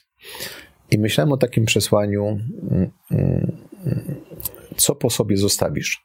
Duży billboard co po sobie zostawisz? Co po tobie zostanie? I chce Pan skłonić nas do refleksji. Do, do, do jakiej refleksji? Dokładnie, dokładnie tak. I teraz popatrzmy na to w sposób, co po sobie zostawisz jako członek rodziny, tak? Jak wychowałeś dzieci, jakie wykształciłeś, zwłaszcza kiedy odchodzisz z tego y, ziemskiego padołu, jak to dalej wygląda? Czy jesteś dumny z tego, co po tobie zostało w tym zakresie, czy nie? co osiągnąłeś jako człowiek żyjący tutaj? Czy byłeś dobrym nauczycielem, którego wspominają uczniowie, tak jak ja, mojego matematyka sprzed 50 lat? Czy właśnie profesora Pietrańca z Politechniki? E, przy, w pamięci zostali ludzie e, niezwykli. Niezwykli, którzy nie tylko wnosili wiedzę, prawda, czy polonista z, z, z technikum, nie tylko którzy wnosili wiedzę, ale którzy wnosili osobowość, którzy nas uczyli też życia, którzy nam pokazywali po prostu inne aspekty, bo człowiek młody jest bardzo często zagubiony, a zwłaszcza ten dzisiaj człowiek młody, nastoletni, w świecie otwartym zupełnie wszystkiego, co jest wokół e, nas, tak, w otwartym świecie internetu. Co zostawiłeś jak, jak zostawiłeś po sobie swoich następców? Co zrobiłeś jako właśnie nauczyciel, lekarz, inżynier, przedsiębiorca, właściciel pizzerii, czy po tobie został brand. Proszę zobaczyć, e, nie chcę wymieniać, mieliśmy brandy w, w Polsce, e, Blikle, tak? Dzisiaj nie jest to ten Blikle, który był. Rodzina, dziadek założył, ojciec prowadził potem. E, e, niestety sukcesja nie poszła tak, jakby się chciało. Oczywiście no, Bedel był inną sytuacją, była prywatyzacja, tak, rodzina, ale masę brandów też upadło. Natomiast we Włoszech zwłaszcza spotyka się bardzo często, że jest pizzeria, która była przed wojną, i do tej pory jest pizzeria i wszyscy uważają, że jakaś e, restauracja, mm, która jest prowadzona, nie wiem, 150 lat w tym samym miejscu. I ona jest cały czas dobra, tak? To jest kolejna rzecz. Kolejna, kolejne moim zdaniem w tym przesłaniu, co po sobie zostawiłeś, jak my zostawimy nasze środowisko i świat, w którym żyjemy. Nie udajmy w tej chwili, że po prostu bezkarnie możemy tak dalej funkcjonować. Jeżeli gdzieś na oceanie pływa, e, pływają plastiki wielkości Francji, wyspy śmieci. Mhm. wyspy śmieci wielkości Francji, to za moment dla nas nie będzie przestrzeni na funkcjonowanie na tym świecie. Nam świat wystawi rachunek za to. Nie ma nic, co nie jest, to będzie za chwileczkę zemsta natury, jeżeli statystyki są prawdziwe. Co my zostawimy? Zanieczyszczone środowisko, skażone w ogóle, smog wszędzie i beznadziejnie niestety, to jest też nasze przesłanie, beznadziejnie głupich polityków wszędzie na całym świecie, których wybieramy na zasadzie chyba bez przekonania, którzy nie doceniają tego, że, że z ekologią trzeba uporać się, bo po prostu za 10 lat, jeszcze do niedawna mówili, no tak, lodowiec stopnieje, to może będzie jeszcze 30-40 lat, a potem zobaczymy, a chyba zmiana klimatu to nie jest powodu i ocieplenie to nie jest powodu emisji spalin. Kwestionowanie tak, tego, czy. No ale mamy z tym do czynienia teraz i tu, kiedy jesteśmy w stanie stwierdzić, jaka ta emisja jest, jakie jest zanieczyszczenie. W związku z tym ja nie chciałbym być to, co wielu już w tej chwili ludzi mówi, że nas zaskoczy tak natura, że w ciągu 10 najbliższych lat czy 15 nam zostawi, wystawi rachunek. Czyli kibicuje pan Grecie Thunberg, która tak mocno, ta mała dziewczynka, kibicuje, stara się obudzić kibicuje, kibicuje absolutnie jej, kibicuje wszystkim, którzy dostrzegają, że zmieńmy coś, a zwłaszcza, że mamy w zasięgu ręki tyle rozwiązań, które możemy z, zaadoptować, wprowadzić bardzo szybko, że nam po prostu pomogą w ogóle e, z tym się uporać. Także tych aspektów jest, mm, jest kilka i pod takim właśnie plakatem każdy by się zastanowił, prawda, co zrobił. Ja dzisiaj e, wziąłem tu specjalnie książkę naszego kolegi. E, no pokażmy ją do kamery, bo to jest bardzo ciekawa książka. Marka Kamińskiego. E, tak, to jest książka Marka Bądź Kamińskiego. Zmianą, tak? Bądź zmianą. Dokładnie w koncepcji mojej myśli. Co ja mogę zrobić? Tak? Co ja mogę zrobić? Właśnie w Newagu, w Nowym Sączu, na dachu mamy kilku fabry, kilku hal, fotowoltaikę założoną, w marcu kończymy inwestycję, a 700 kW mocy. To jest jedna trzecia tego, co potrzebujemy czysta, ekologiczna. Będziemy dalej jeszcze y, szukali miejsca. Być może na ścianach będziemy też panele instalowali. Być może w ciągu trzech lat się uniezależnimy od y, dostaw energii zewnętrznej. Każdy no jest to na szczęście popularne, coraz bardziej się dzieje, że na domach, nawet na dachach coraz więcej widzimy ogniw. Chyba 700, pani Emilewicz, Emilewicz mówiła, 780 kW mocy zainstalowaną w ubiegłym roku. No to już jest sporo, mm, bo megawatt to już jest jedna 40 mm, zapotrzebowania na energię tego kraju. Więc e, znaczy 1000 megawatów, przepraszam, 780, 1000 megawatt to jest e, jedna 40, żeby ktoś mnie za słowo tu nie policzył, przejęzyczenie. E, bądź zmianą. Pomyślmy, co każdy z nas może zrobić. Nie wiem, zakręcając wodę, jak się goli czy myje zęby, żeby nie leciała cały czas. Nie korzystając ze światła wtedy, kiedy nie ma takiej potrzeby czy zakupy, które robimy, no i przede wszystkim oczywiście plastyki w opakowaniu. No, Marcin, ja pamiętam jako dzieciak były dwie butelki mleka. Jedno było dwuprocentowe, drugie trzy chyba i dwie dziesiąte. I wszystko w szkle, nie? Tak, wszystko w szkle. Żółty i srebrny kapselek.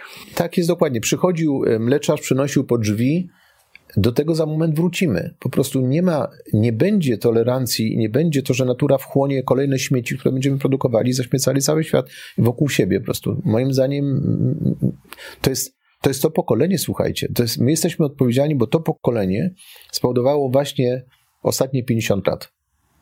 Największe spustoszenie dla środowiska.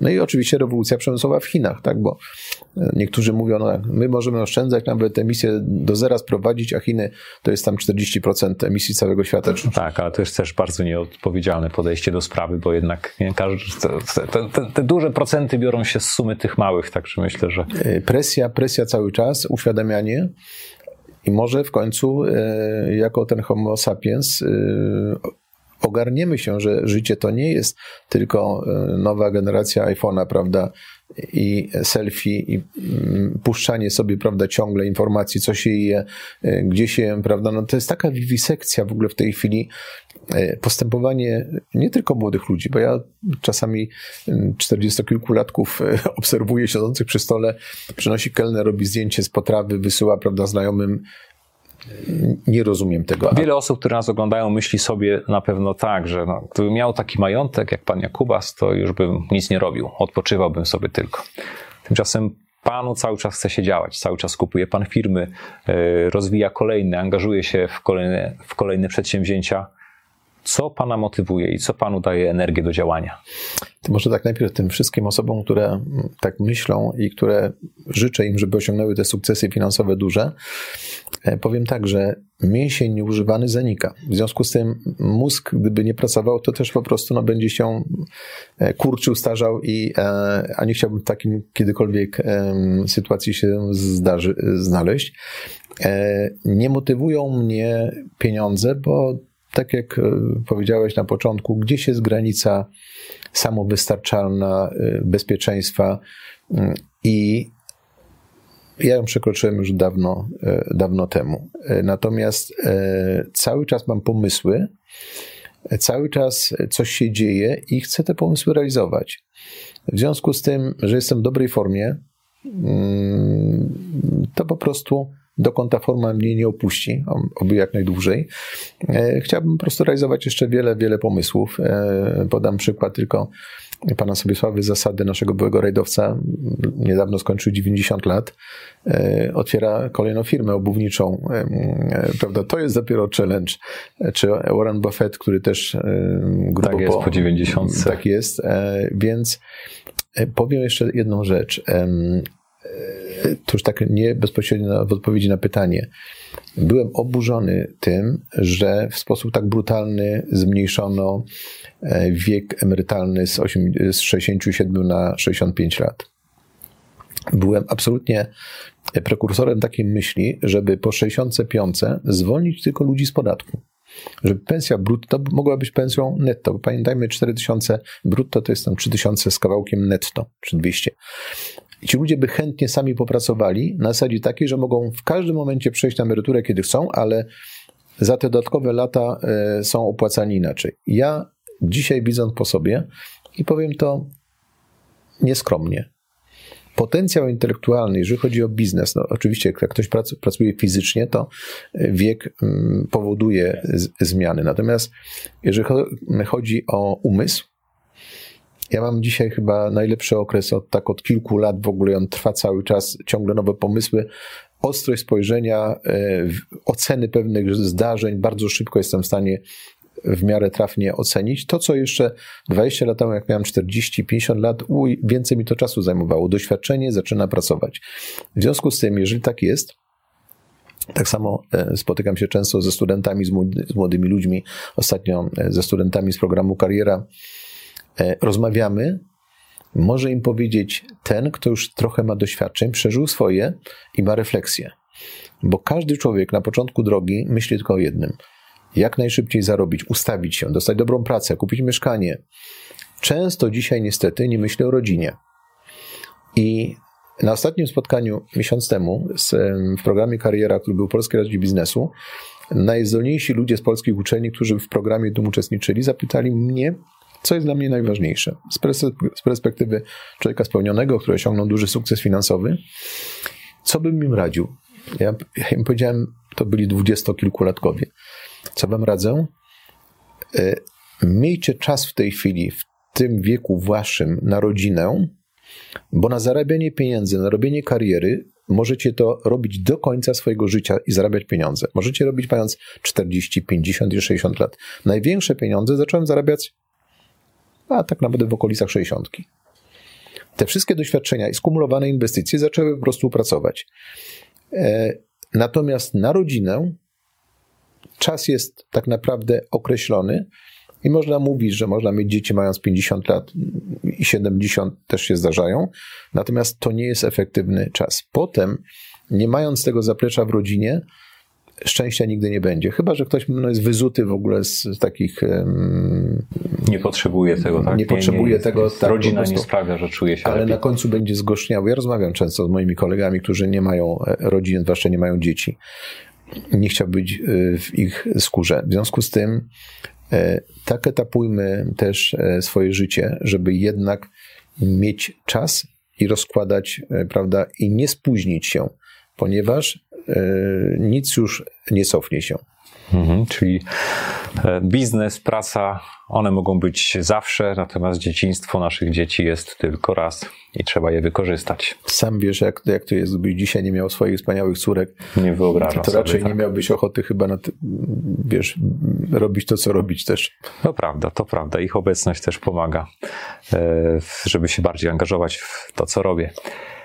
To skoro mówimy o dzieciach, gdyby nie mógł Pan zostawić swoim córkom, swoim dzieciom żadnych pieniędzy, tylko zestaw jakichś porad odnośnie tego, jak e, te pieniądze zdobywać, to co by na takiej liście na pewno się znalazło?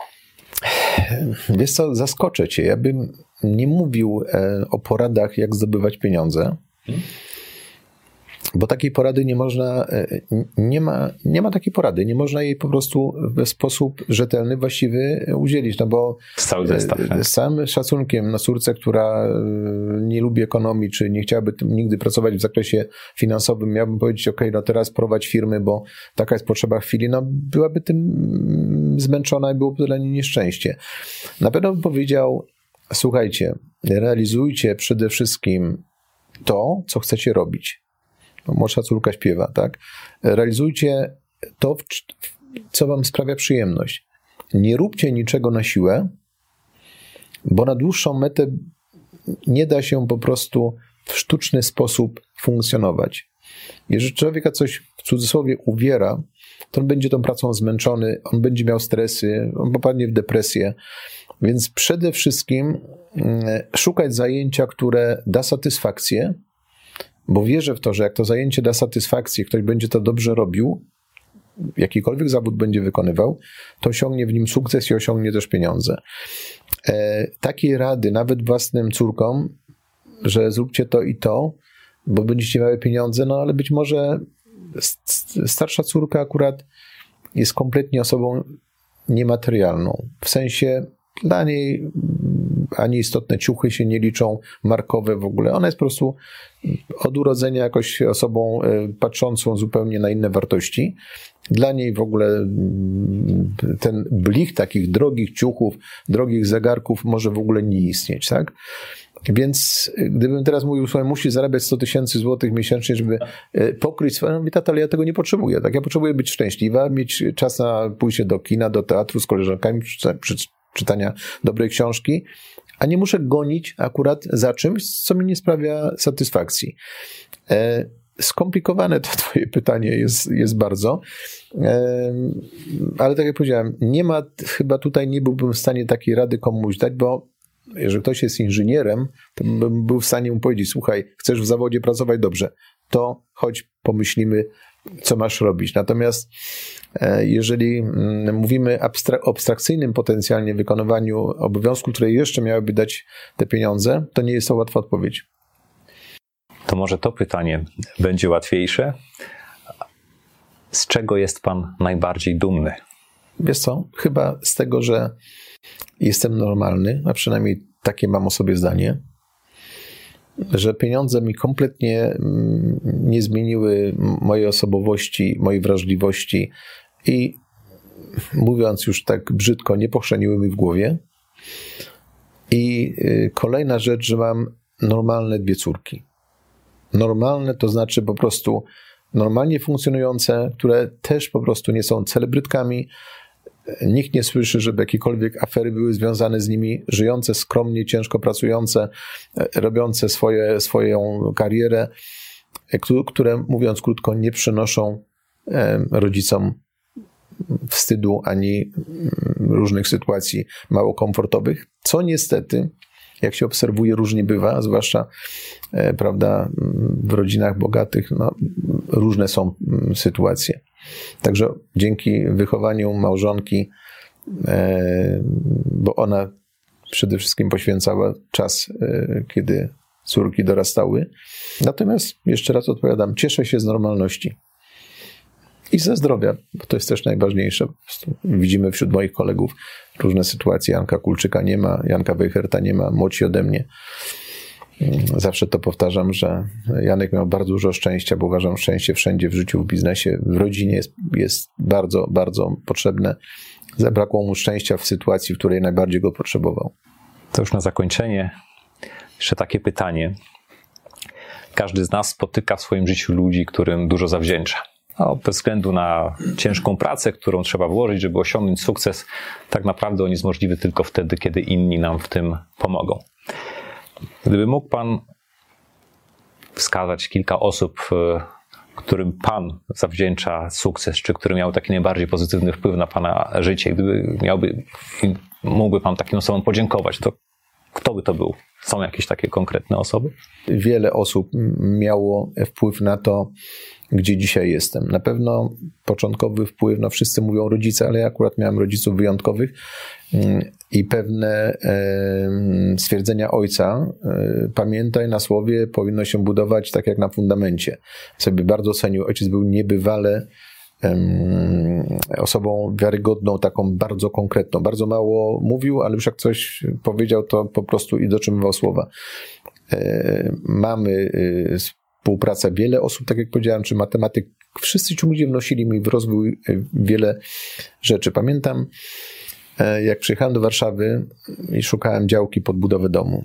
Gdzieś tam e, ktoś nam powiedział, że w Ursusie jakaś działka jest do kupienia. Pojechałem, jakaś łąka, no nie podobała mi się ta działka, ale postanowiłem pojechać do pośrednika nieruchomości.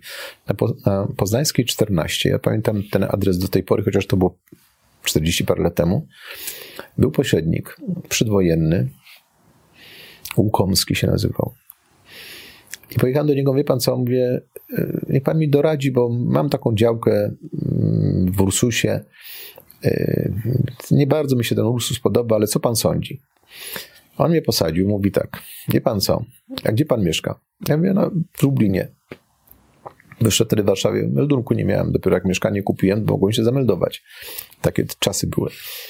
Mówi to, jak pan idzie do Lublina z Warszawy, ma pan po prawej stronie Anin, a po lewej stronie Wawer. Dzieli te dwie, te dwie lokacje tylko droga do Lublina, prawda, ile tam, dziesięciometrowa.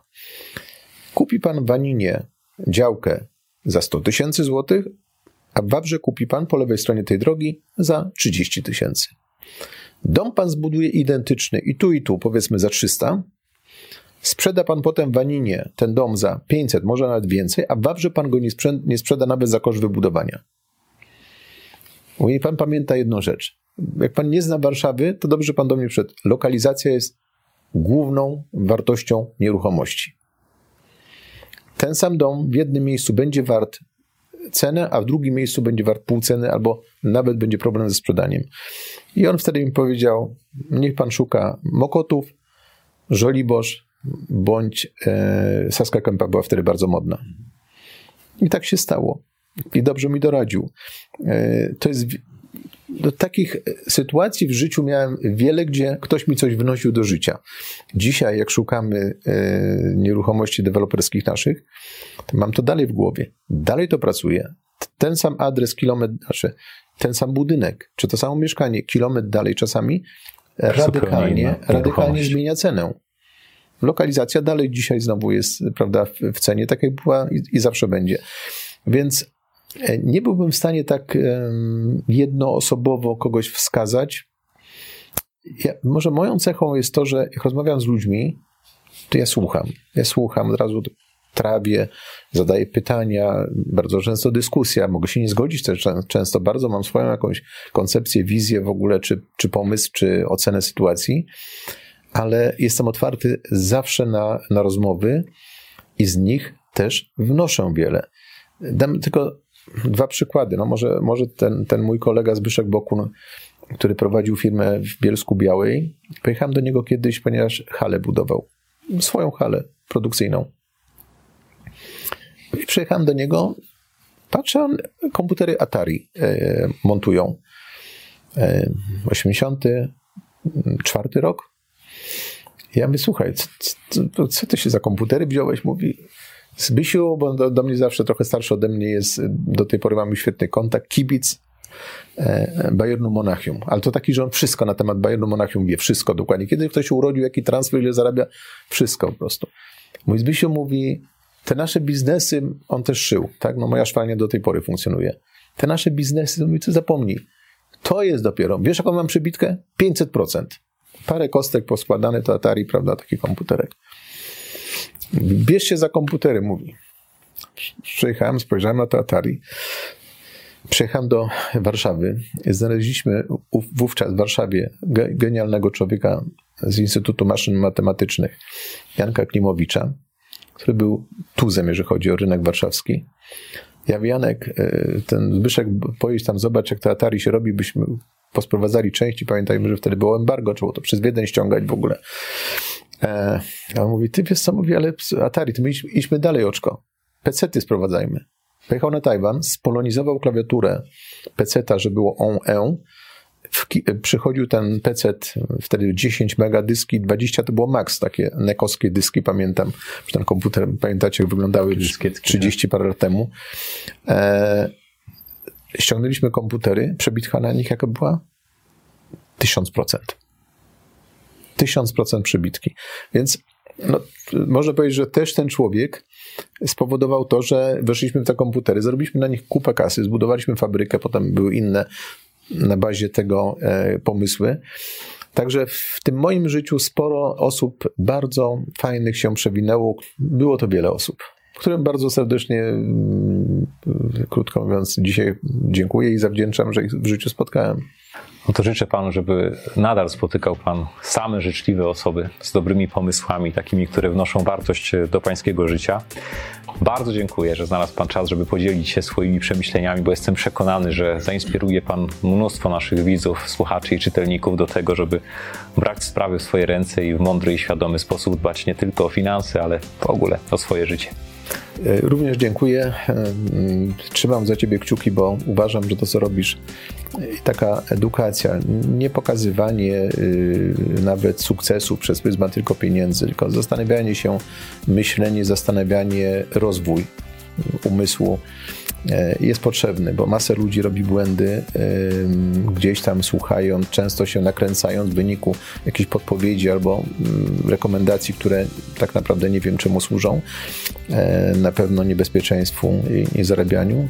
Natomiast e, jeżeli mnie zaprosisz, to jeszcze chętnie kiedyś przyjadę. Natomiast jeżeli będą pytania jakiekolwiek do mnie, to obiecuję, że też na nie odpowiem i wtedy po prostu E, będziesz mógł przekazać je swoim respondentom. Bardzo serdecznie dziękuję. Moim gościem był Zbigniew Jakubas. Dziękuję bardzo.